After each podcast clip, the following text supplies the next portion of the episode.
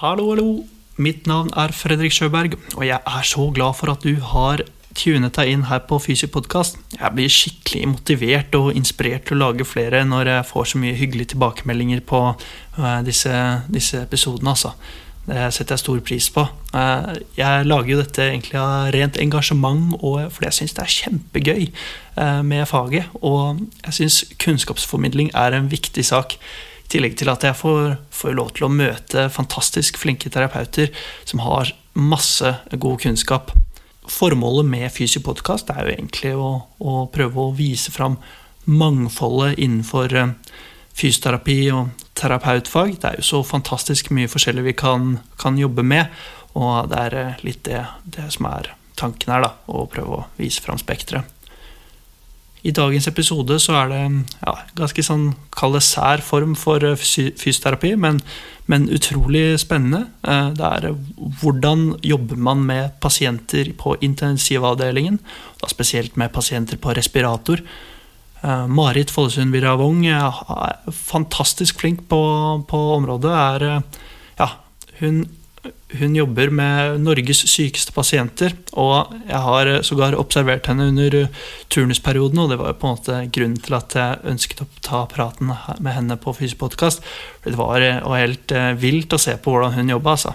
Minnet mer om en blekksprut nede på intensivavdelingen der, mer enn et menneske. Hadde åtte armer og ja, var helt, var helt vilt å se på hvor, hvor dreven hun var i den settingen. og kommuniserte med pasient og kommuniserte med de andre profesjonene på avdelingen. Det var ja, virkelig inspirerende. Så det du kan forvente å høre, er eh, litt uh, hvordan jobber Marit klinisk med pasienter i respirator. Når det er sagt, så håper jeg at du syns denne episoden er ålreit å høre på.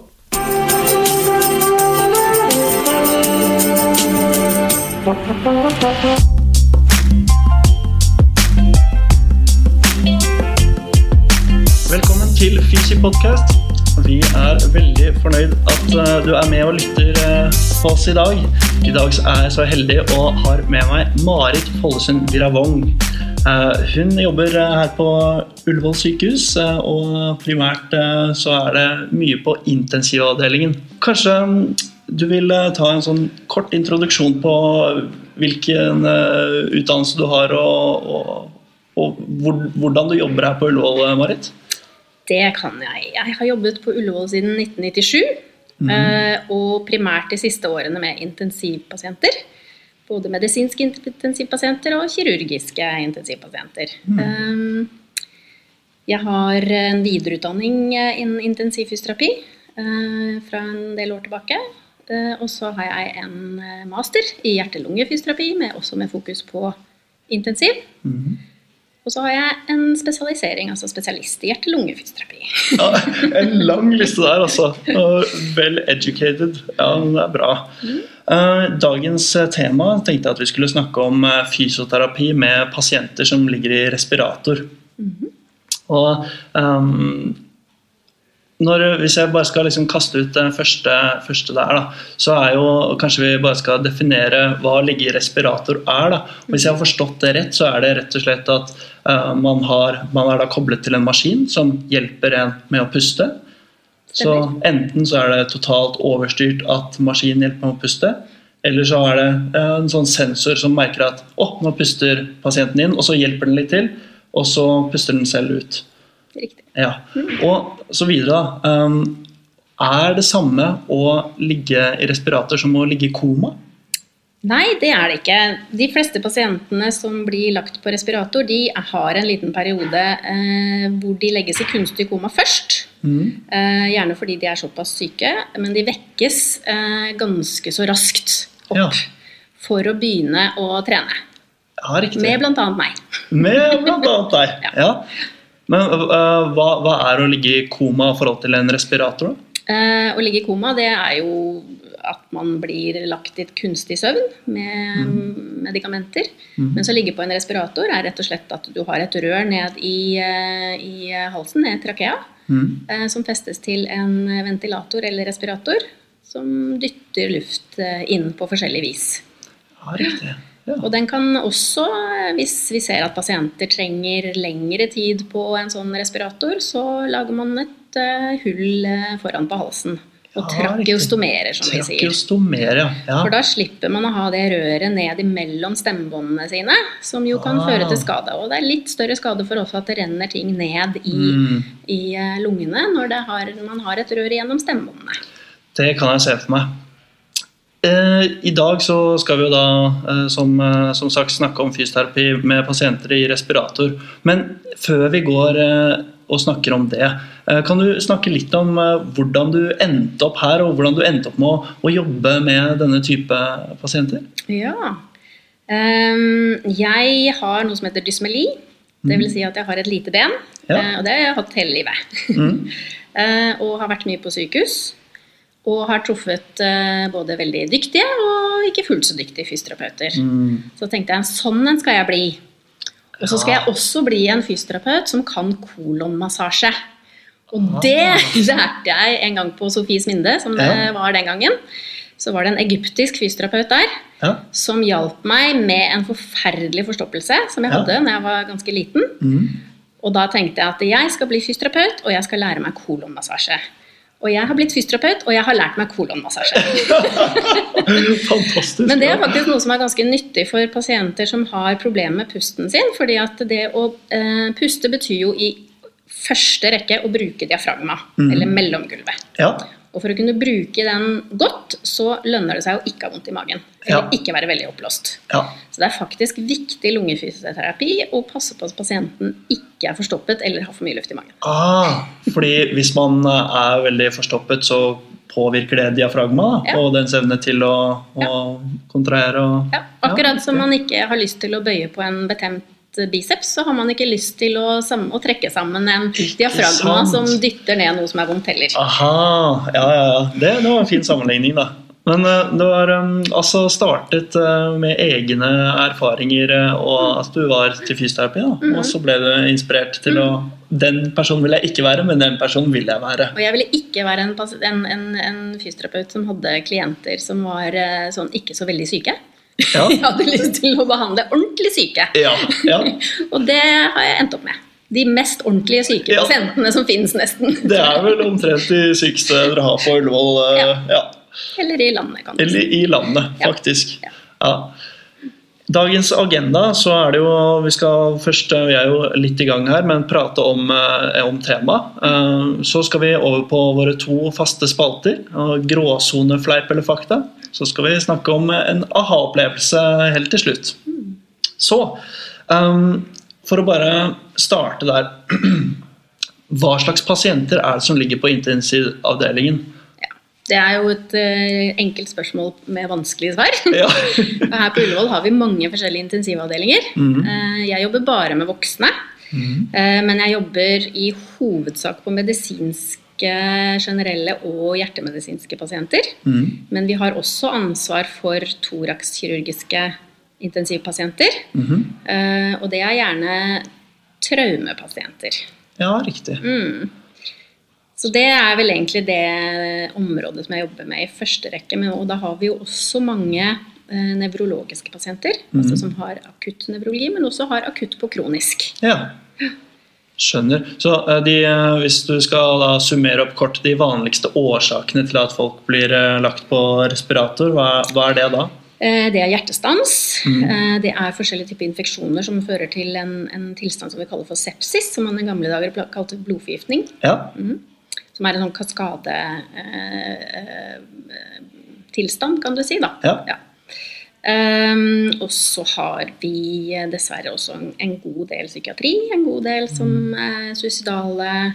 ehm, som blir såpass dårlig etter å ha tatt, inntatt forskjellige ting eller prøvd å henge seg og sånne ting. Det har Ja, vi ganske mye av også. Mm. Og kanskje særlig nå frem mot den sesongen vi er i nå, ja. i jula. I jula, ja. Men eh, ja, dere merker det på intensivavdelingen at den kan være litt ekstra tøff på Ja. den fronten der, ja. Ja, det, det, og det er vi ganske gode på på medisinsk intensiv særlig. da. Der Mm. har vi jo lang erfaring med, med den type pasienter. Og har en egen psykiatrisk, eller en egen psykiater som jobber også. Ah, Så, så det er veldig positivt og veldig fint. ja. Mm. er... um, da jeg var og var, fikk lov å være med deg under turnus, så var det en veldig sånn dynamisk eh, arbeidsprosess. Virket som var nede det var folk som gikk overalt. Det var veldig sånn åpent. Uh, man kunne enkelt komme inn til uh, der det, det, så også ut som det var godt fasilitert for at det var enkelt å få pasienter inn der, men også ut mm. derifra. Um, og så En vanlig arbeidsdag, da, hvordan, hvordan, vil du si at den er her for, på lov for deg? Mm, den kan jeg godt si at blir aldri som planlagt. så hvis ja. man behov for, har behov for forutsigbarhet i jobben sin, så skal man ikke jobbe her. Eh, og det er som du sier, det er veldig dynamisk. Man må eh, prøve å komme til når det passer. Mm. Og når det passer for de man skal jobbe sammen med, og når det passer for pasienten. Mm. og når det passer for utstyrstilgjengelighet. Så det er mange ting, da. Eh, og pasientene de er jo veldig dårlige, som sagt. Så eh, man er nødt til å eh, prøve å forholde seg best mulig til å komme til når pasienten ikke er til andre undersøkelser, som mm. er avgjørende for diagnostisering, bl.a. Ja, mm. Så et uh, tett tverrfaglig samarbeid da, hvor det kreves plan, planlegging mellom alle profesjonene for å få Absolutt. Mm. absolutt, Og det er, det er en forutsetning at man har uh, at man har sin plass i teamet, vil jeg si. Mm. Uh, og det går ikke av seg selv. Så det har vi jobbet med i mange mange, mange år for mm. å få en, en, en riktig og um, riktig plass i, uh, i, intensivsystemet, som selvfølgelig er veldig uh, preget av at det er akutt syke mennesker som ligger der. Ja. Sånn at det er jo alltid noen ting som går før noe annet. Og det mm. er klart at det kan være litt sånn utfordrende når vi har pasienter som er som det som vi kaller for langliggere også, som er kanskje litt mer sånn rehabiliteringspasienter, men som ikke kan ligge på en vanlig rehab-avdeling fordi de f.eks. har en trakeostomi mm. som ikke de klarer å håndtere på en sånn avdeling. Og da er det jo alltid slik at legene og sykepleierne må prioritere det mest akutte. Selvfølgelig. Klart, ja. Eh, sånn I andre, veldig mange andre land så har de egne sånn weaning clinics, altså hvor man okay. har avvenning fra respirator for de langliggerne. Ah. Og Da er det jo mye lettere for både sykepleiere og leger også å ha full fokus på disse rehab-pasientene. Mens hos oss mm. så blir det litt mer at det blir fysioterapeuten og kanskje noen mm. av de andre mm. terapeutene sin på en måte hovedoppgave å holde tak i ja. disse eh, rehab-pasientene. da. Ja. Sånn at, eh, for det er gjerne rask utskifting av leger og sykepleiere, mens vi er gjerne litt uh, mer stabile. Ja, ikke sant. Ja. Hvilke utfordringer eh, møter da disse pasientene som eh, Ja, disse langliggerne? Mm. Hva er det? De, de, blir vel helt sikkert svake i kroppen ved å ikke bevege seg, men det, det, gjør de, og så kan det jo være utfordrende å kommunisere hvis man ikke har mulighet til å bruke stemmebåndet sitt. Mm. Og der gjør vi ganske mye spennende nå, faktisk. Der mm. holder vi på med noe som heter ACV, Above Cuff Vocalization. Okay. Som er en teknikk som gjør at de som ligger på respirator, ikke tåler å kobles fra pustehjelpen, også kan gis en mulighet til ja. å snakke.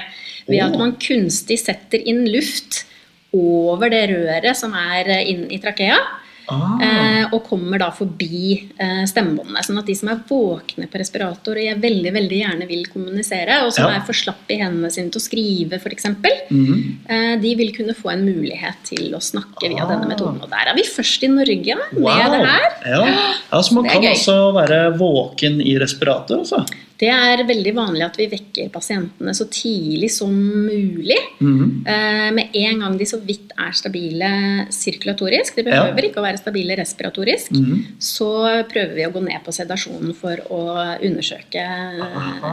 hvordan ståa er, da. Ja, riktig, riktig. Mm. Men um, når de ikke er våkne, og, og, men allikevel så jobber fysioterapeuten med, med mm. disse. Hvordan, hvordan vet du at uh, det du gjør Hva gjør en fysioterapeut med pasienter i koma? Ja, ja. Hvis de ikke er våkne i det hele tatt, mm. så er det uh, en sånn uh, fletta sammen undersøkelse og behandling vi gjør. Mm. Så vi undersøker det nevromuskulære, det respiratorisk-sirkulatoriske. Mm. For å på en måte spille inn til resten av teamet. Da mm. kan vi komme med forslag til f.eks. Respiratorinnstillinger. Eh, endring av det i forskjellige stillinger. Mm. Vi er ofte de som eh, anbefaler hvilke stillinger pasienten skal ligge i. Ja. Både sånn for det nevromuskulære, men også for det respiratoriske. Mm.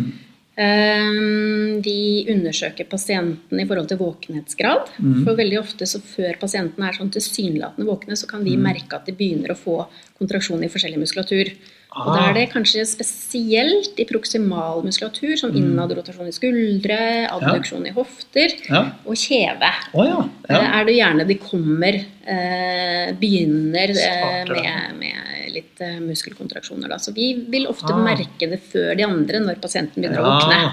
riktig. Og det kan skje også før pasienten begynner å trekke pusten selv. For det vil man se på respiratoren når pasienten begynner å trigge litt pust selv. Ja. Så vil vi gjerne prøve å legge de over på en sånn såkalt eh, støttet modus, da, hvor Mm. pasienten initierer pusten, men bare Ja. får hjelp hver gang de initierer. Skjønner, skjønner. Eh, men ehm, Så jeg ser jo for meg at de, har, de kan jo da ligge lenge, og at de får veldig mye slim i, i lungene.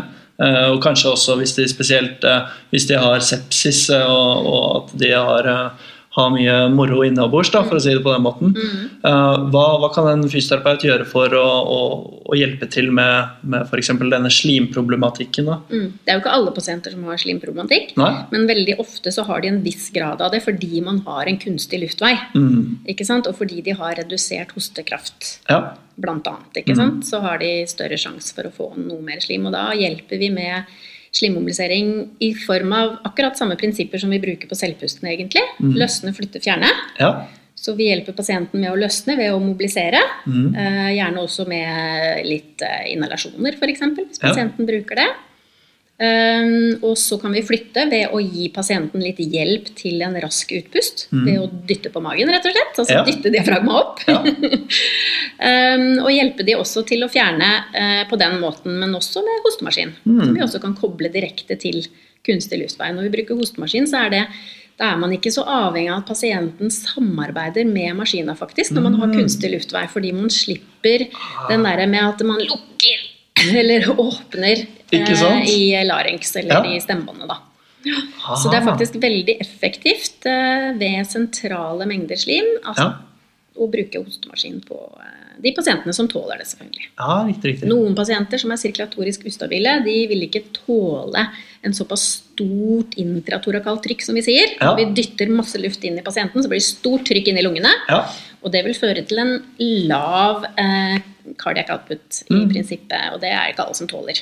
Nei. Eller lavere blodtrykk, da. Den, det kan jeg se for meg. Ja. Så Vi har også laget en podkast med din kollega Tonje Klette Ja. Mm. så om eh, løsne, flytte, fjerne-prinsippet. Så den, Hvis man er interessert, så kan man jo sjekke ut den i tillegg. da. Men når man ikke kan eh, prate med pasienten eh, i alle tilfeller, eh, og at eh, ja, de ligger i koma, men hvordan kan du finne ut da at de f.eks. trenger å, å fjerne slim, eller at de trenger å endre en posisjon? eller liksom, hvordan, hvordan kan du finne ut av ting når du ikke kan prate med pasienten? Mm. Vi er jo så heldige på intensivavdelingen at vi monitorerer jo veldig mye forskjellig. Eh, Så stress det kan jo eh, ses eh, via en blodtrykksøkning f.eks., eller pulsøkning, eller en respirasjonsfrekvensøkning. Mm. Um, Eller så kan, bruker vi jo selvfølgelig stetoskop.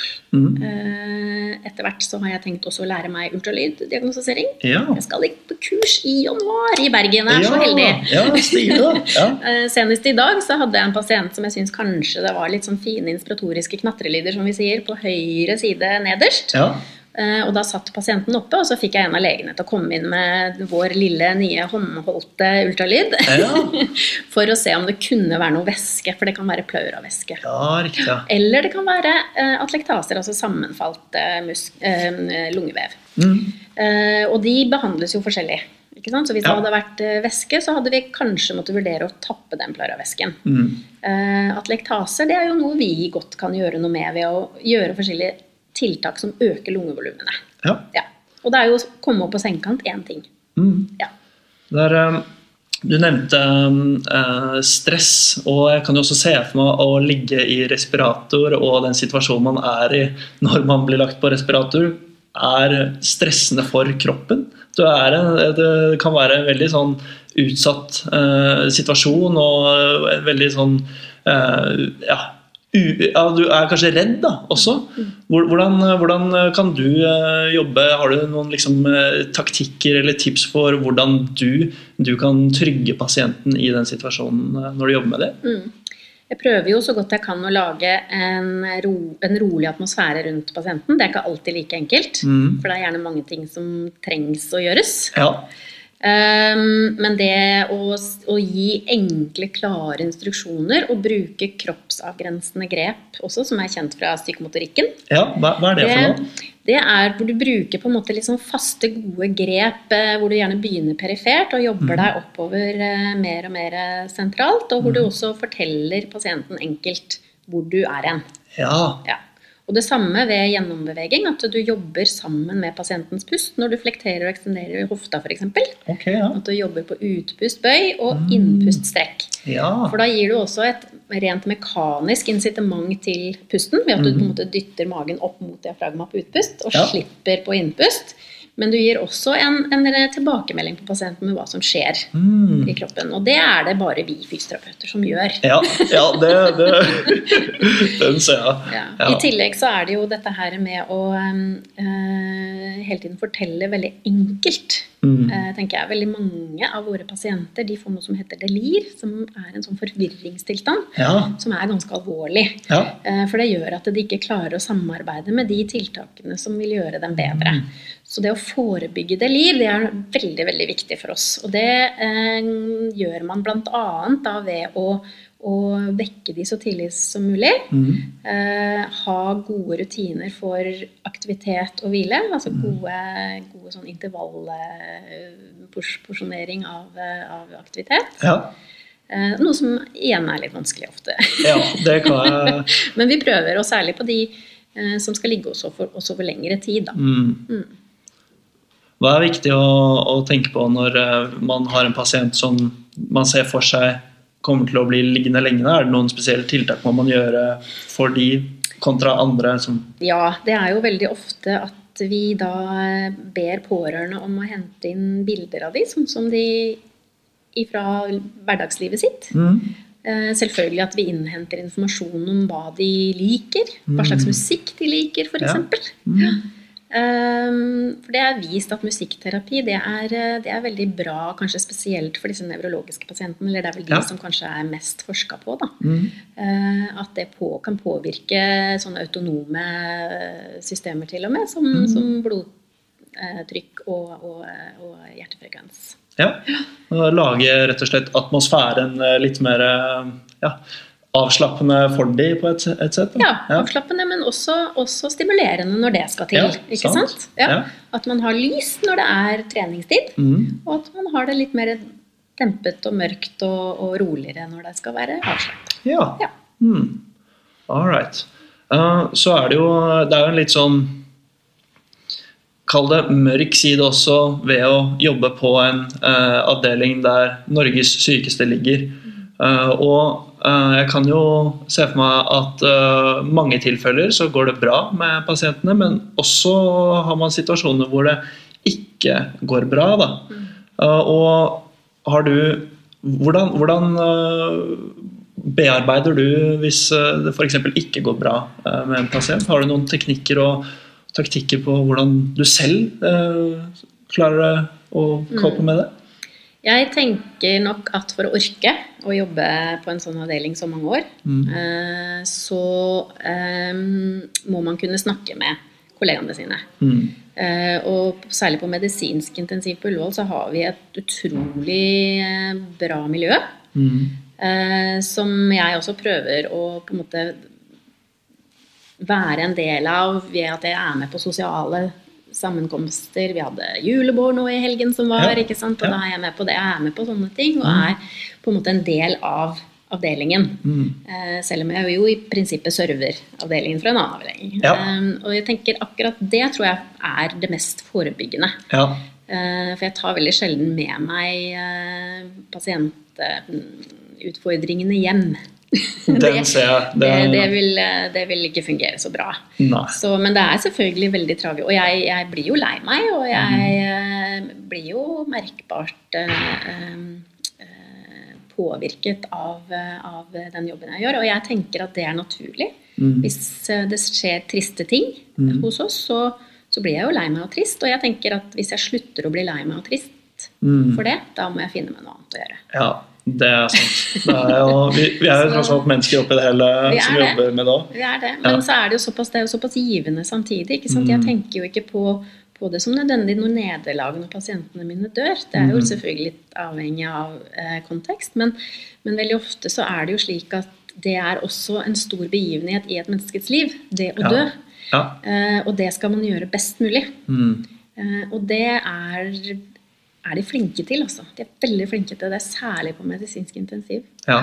Og det får vi tilbakemelding på fra pårørende gang på gang, og det, det føles veldig givende å være en del av, faktisk.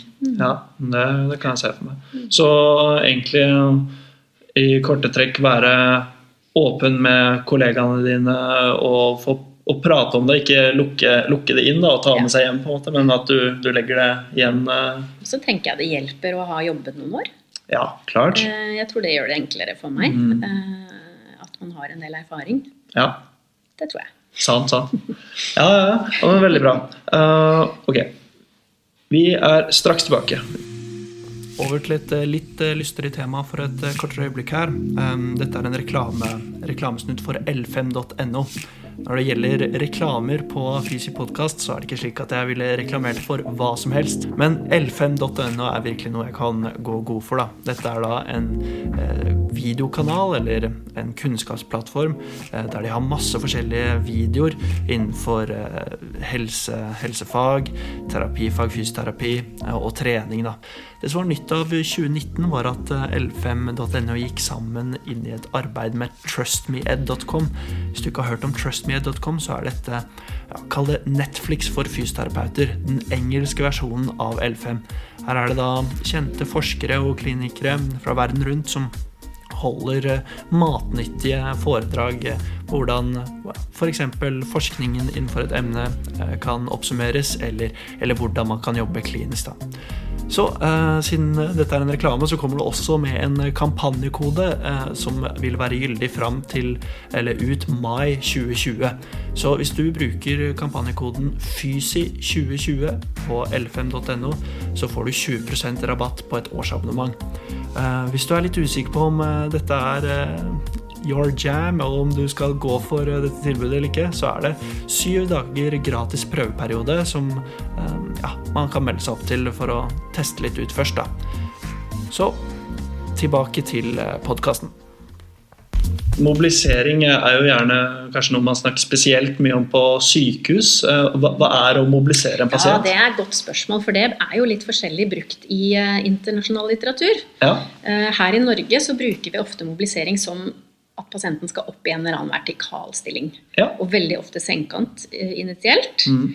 Um, mens ute i verden så kan man ofte lese at de mener mobilisering også i seng. Altså gjennombeveging og snuing. Mm, Mens det har ikke vi definert egentlig som mobilisering. mobilisering. det riktig. er mer sånn gjennombeveging eller posisjonering og leiring. Ja. det. Ja. Så, så mobilisering er opp.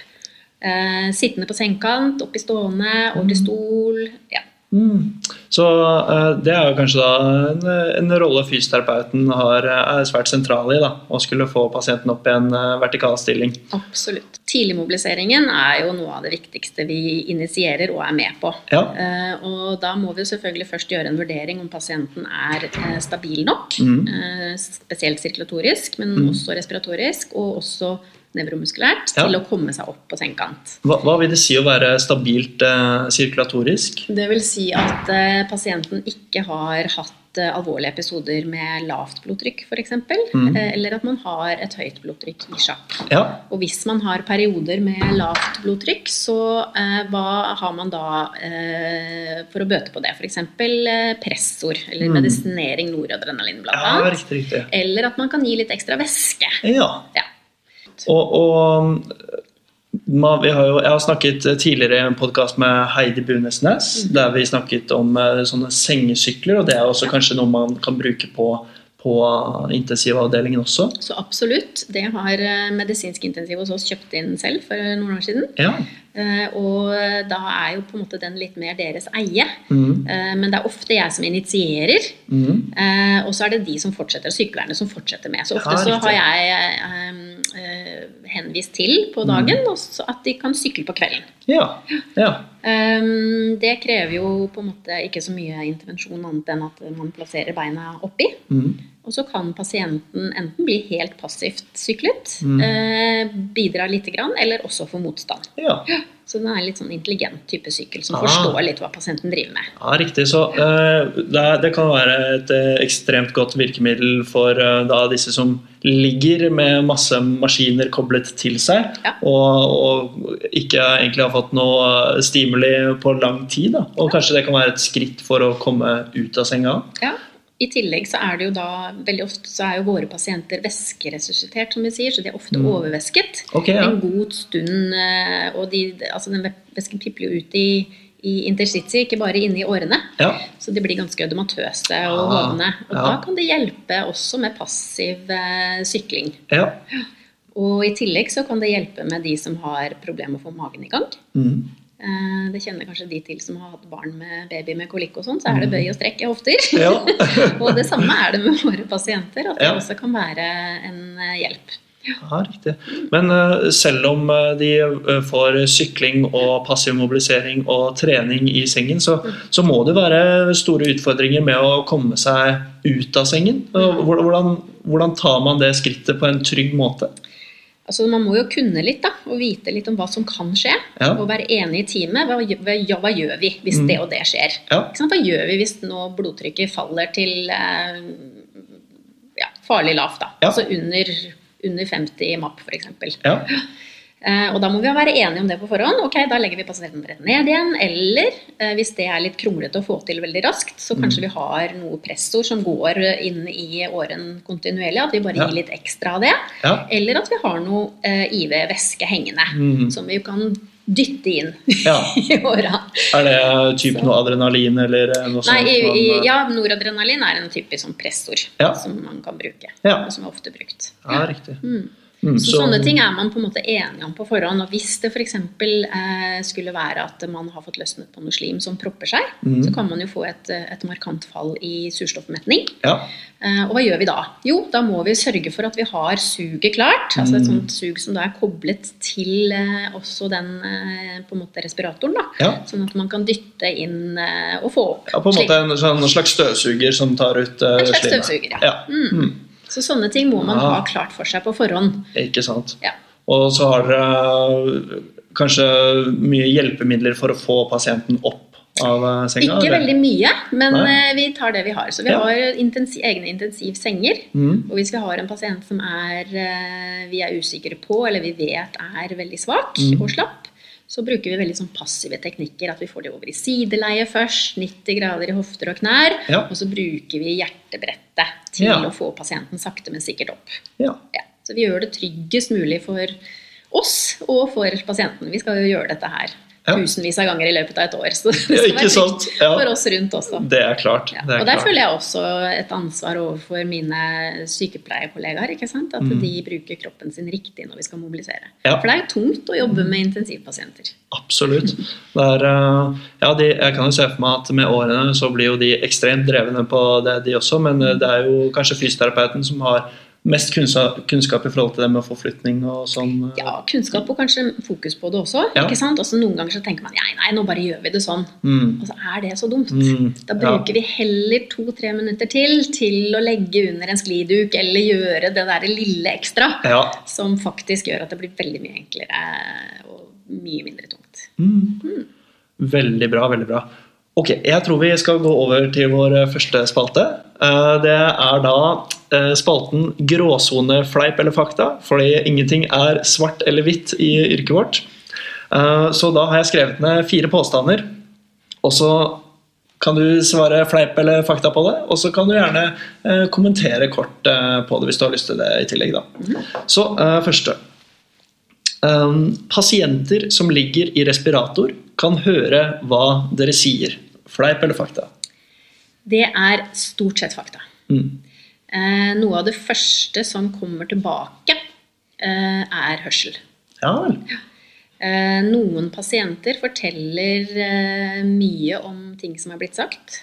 Oh, ja. eh, selv om vi tror de har sovet Mm. eller vært i koma. Så det er, er, prøver vi å være veldig bevisst på å ikke snakke over hodet på pasienten, men Ja. å snakke til pasienten. Ja. Bruke fornavn Mm. eh, og enkle, enkle ting. Og veldig tidlig eh, realitetsorientere pasienten. Mm. Sier eh, Erna, du Ja. er på Ullevål sykehus nå. Du kan ikke snakke akkurat nå, for du har et rør i halsen, men det, du vil få stemmen tilbake. Mm. Vi passer på deg, jeg er sånn og sånn, og her Mm. står sånn og sånn.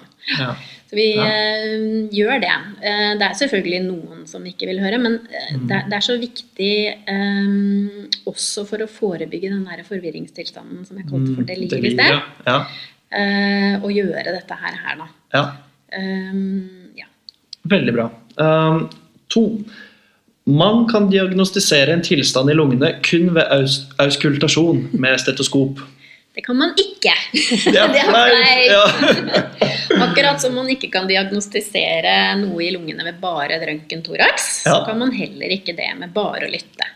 Men vi har jo så mange in, inn, mye informasjon om våre pasienter, Mm. sånn at uh, det å lytte på pasienten gir en tilleggsinformasjon som gjør at vi lettere kan komme til en konklusjon om hva vi skal gjøre. Riktig, riktig. Ok, så har vi tre. Jeg har satt litt sånn i parentes når jeg skrev det. Men pasienter i respirator er aldri i stand til å hoste opp slim selv. Mm. Det er fleip. Det er. Eh, det som er veldig kult med de nye respiratorene vi har nå, Ja. som heter Hamilton, det Ja. er at eh, man kan eh, måle hostekraften. Det vil si, vi har jo et sånt surrogatmål for hostekraft, og det er PEF, mm. Peak Expiratory Flow. ja. Og det kan vi måle ganske eksakt på de nye respiratorene når pasienten Ah. spontant hoster. Så du får også da, et tall på kraften de klarer å hoste med? Typ, Ja, flowen flowen egentlig, på Ja. hvor raskt de klarer å få luft ut av seg. Ja. Som sier noe om hvor raskt de kan klare å flytte på noe som ligger i luftveiene ut. Ja. Og hvis de ligger godt over 100, så klarer de, altså 100 liter per minutt, som vi Mm. jo da liter per minutt vi måler flow i, ja. eh, så vet vi at da kan de klare å få ut det som eventuelt ligger der av slim eller annet rusk. Ja, ja, det er fancy, fancy. Det er jo det er et nyttig mål, da. Ja. Ok, fire. Eh, fysioterapi med pasienter i respirator kan avverge alvorlige komplikasjoner. Ja, det må jeg jo si er fakta! det er jo kunne nesten kunnet jobbe med det. Men det er jo dessverre altfor lite forskning på dette her. eh, Og det er vanskelig å forske på våre pasienter fordi de er veldig heterogene. Mm. Eh, Det er vanskelig å gjøre sånne typisk sånne der, eh, eh, RCT-er, som vi sier. Mm. Randomiserte, kontrollerte studier. Mm. Eh, fordi man må ha så stort antall pasienter. eh, Og det er nesten helt umulig å blinde Ja, eh, fysioterapi. det kan jeg. I motsetning til Ja. medisiner. Sånn at det er vanskelig, men det kommer mer og mer forskning som er, eh, har litt annen type eh, eh, valør, da. Altså som er en sånn serie eh, pasientkasus, f.eks. Mm. Eh, eller pasientcase. Mm. Eh, kommer mer og mer nå. Ja. Eh, og er mer og mer legitimt å publisere også. Så det håper jeg at kommer til å vise og eh, ja, vår legitimitet med disse pasientene. Mm. Og det er jo sånn at eh, det er jo uetisk å la være eh, å gi pasientene eh, fysioterapi fordi man antar at det er så viktig.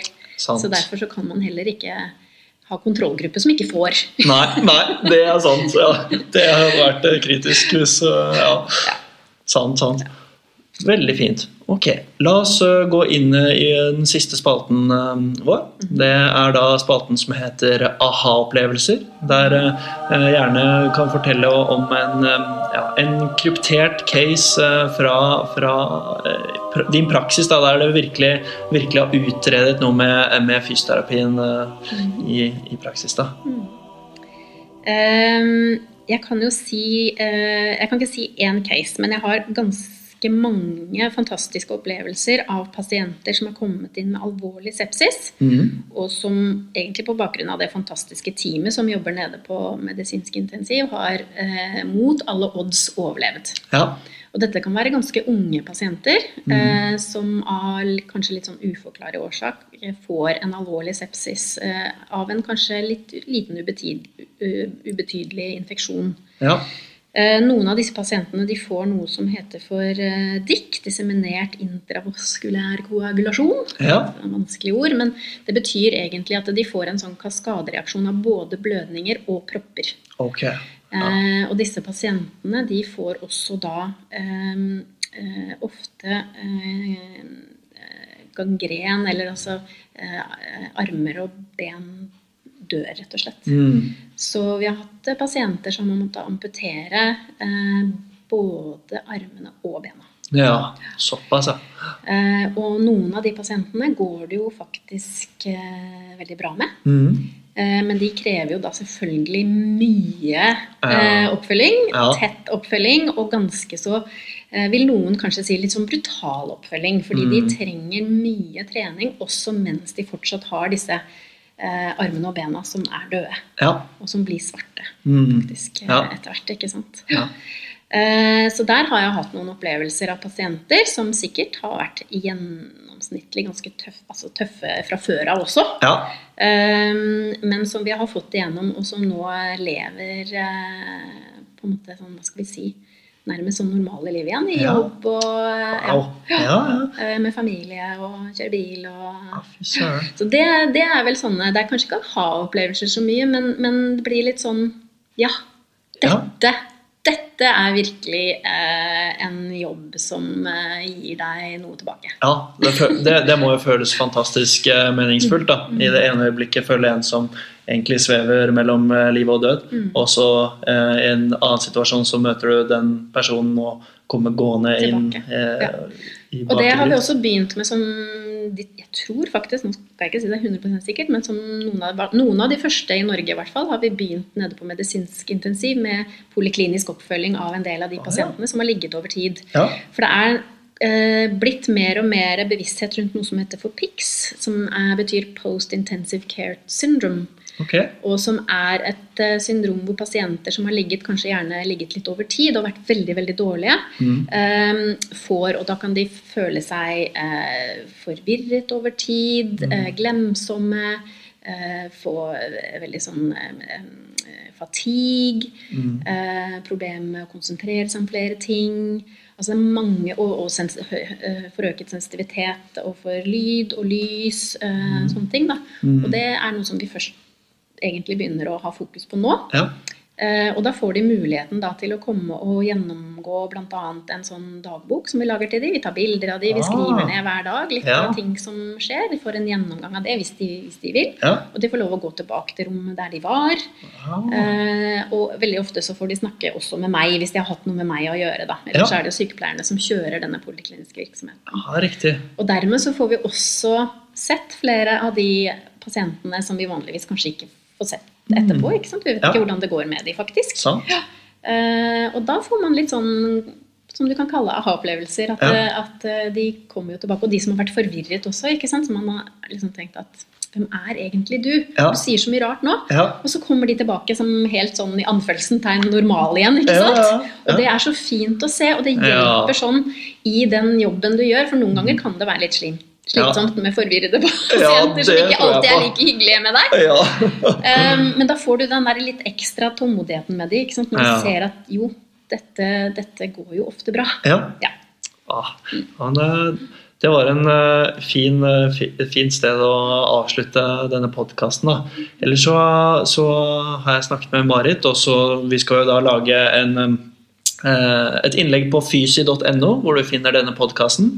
Og så kanskje et par lenker til der man kan eh, lese litt eh, mer om, eh, om hvordan man, man eh, jobber i intensiven. Det var bl.a. også publisert i Fysioterapeuten for noen år siden. eh, Et, sånt, eh, et innlegg av eh, av deg og en, en annen på klinikken her. Og Der står det litt beskrevet hvordan arbeidshverdagen er og sånn. Så kanskje så finner vi litt andre linker der, da. Ja. Ja, Veldig, veldig bra. Eh, Jeg vil bare si tusen takk for at jeg fikk, eh, fikk låne tid av deg og prate med deg. Det var veldig interessant. Ja, det var veldig trivelig. Ja, veldig bra. Så sier vi takk for denne gang på Fysi podkast. Så hører du fra oss senere. Ha det bra. Så fint. Da var dagens episode kommet til en ende, og jeg håper at du lærte noe og syntes det var ålreit å høre på. Hvis du har noe tilbakemelding, noen spørsmål, eller du bare har lyst til å si oss noe, så må du gjerne sende oss en mail til post at fysy.no. Eh, eller så kan du følge oss på Instagram, fysy.no, eller på vår Facebook-side som heter Fysy.